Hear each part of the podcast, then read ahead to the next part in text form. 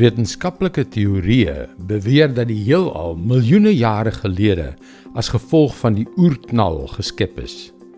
Maar nou is die vraag: wie het dit in die eerste plek daar gesit en wat het dit laat knal?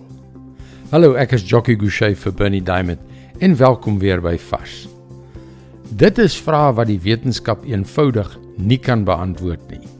Jy kan nie begin teoretiseer nie want wel, dan raak jy verstrengel Jy kan eenvoudig nie.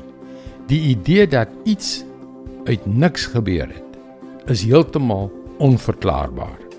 Dit sal vanuit 'n wetenskaplike perspektief in elk geval vir ewige onopgeloste raaisel bly.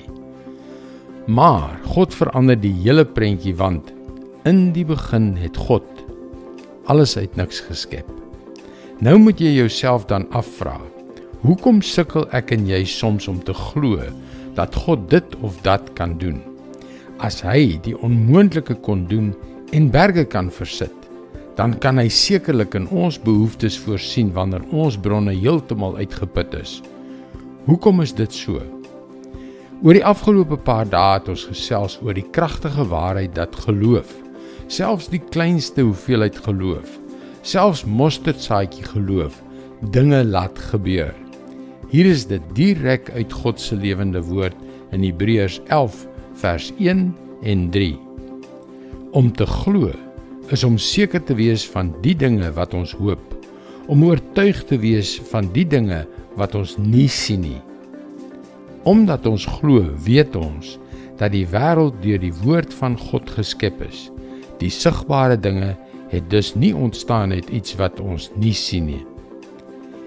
Net omdat jy dit nie kan sien of verduidelik of daaraan kan raak en voel nie, beteken nie dat dit nie bestaan nie. Moenie bang wees om in geloof vir God te gehoorsaam nie. Sy planne word volbring ten spyte van jou klein onvolmaakte en wankelende geloof.